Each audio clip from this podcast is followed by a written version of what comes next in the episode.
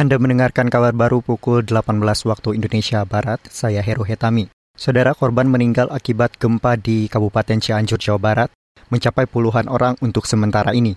Gempa bermagnitudo 5,6 itu juga merusak rumah warga, pondok pesantren, dan fasilitas umum.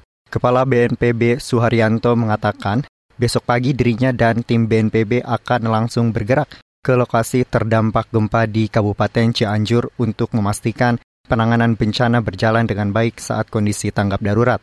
Ia mengatakan BNPB akan segera mengaktifkan posko penanganan bencana dan membawa kebutuhan logistik yang diperlukan di pengungsian. Kita ke informasi lain, Saudara. Konfederasi Serikat Pekerja Indonesia KSPI mendorong Dewan Pengupahan untuk memperjuangkan kenaikan upah minimum sebesar 10 persen.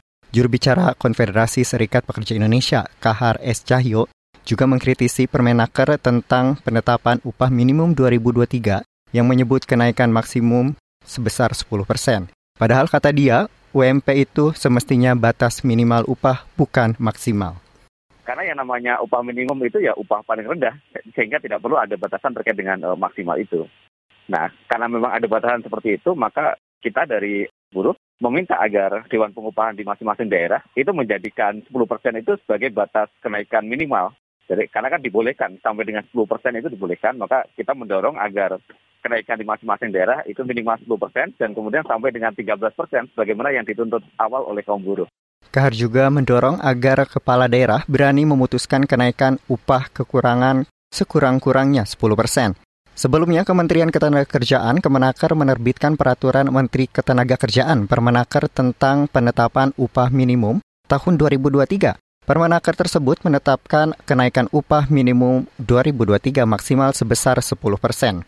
Kita ke informasi lainnya, Saudara Wakil Presiden Wapres Ma'ruf Amin menginstruksikan deteksi dan penanganan polio dengan segera agar tidak meluas dan menjadi pandemi.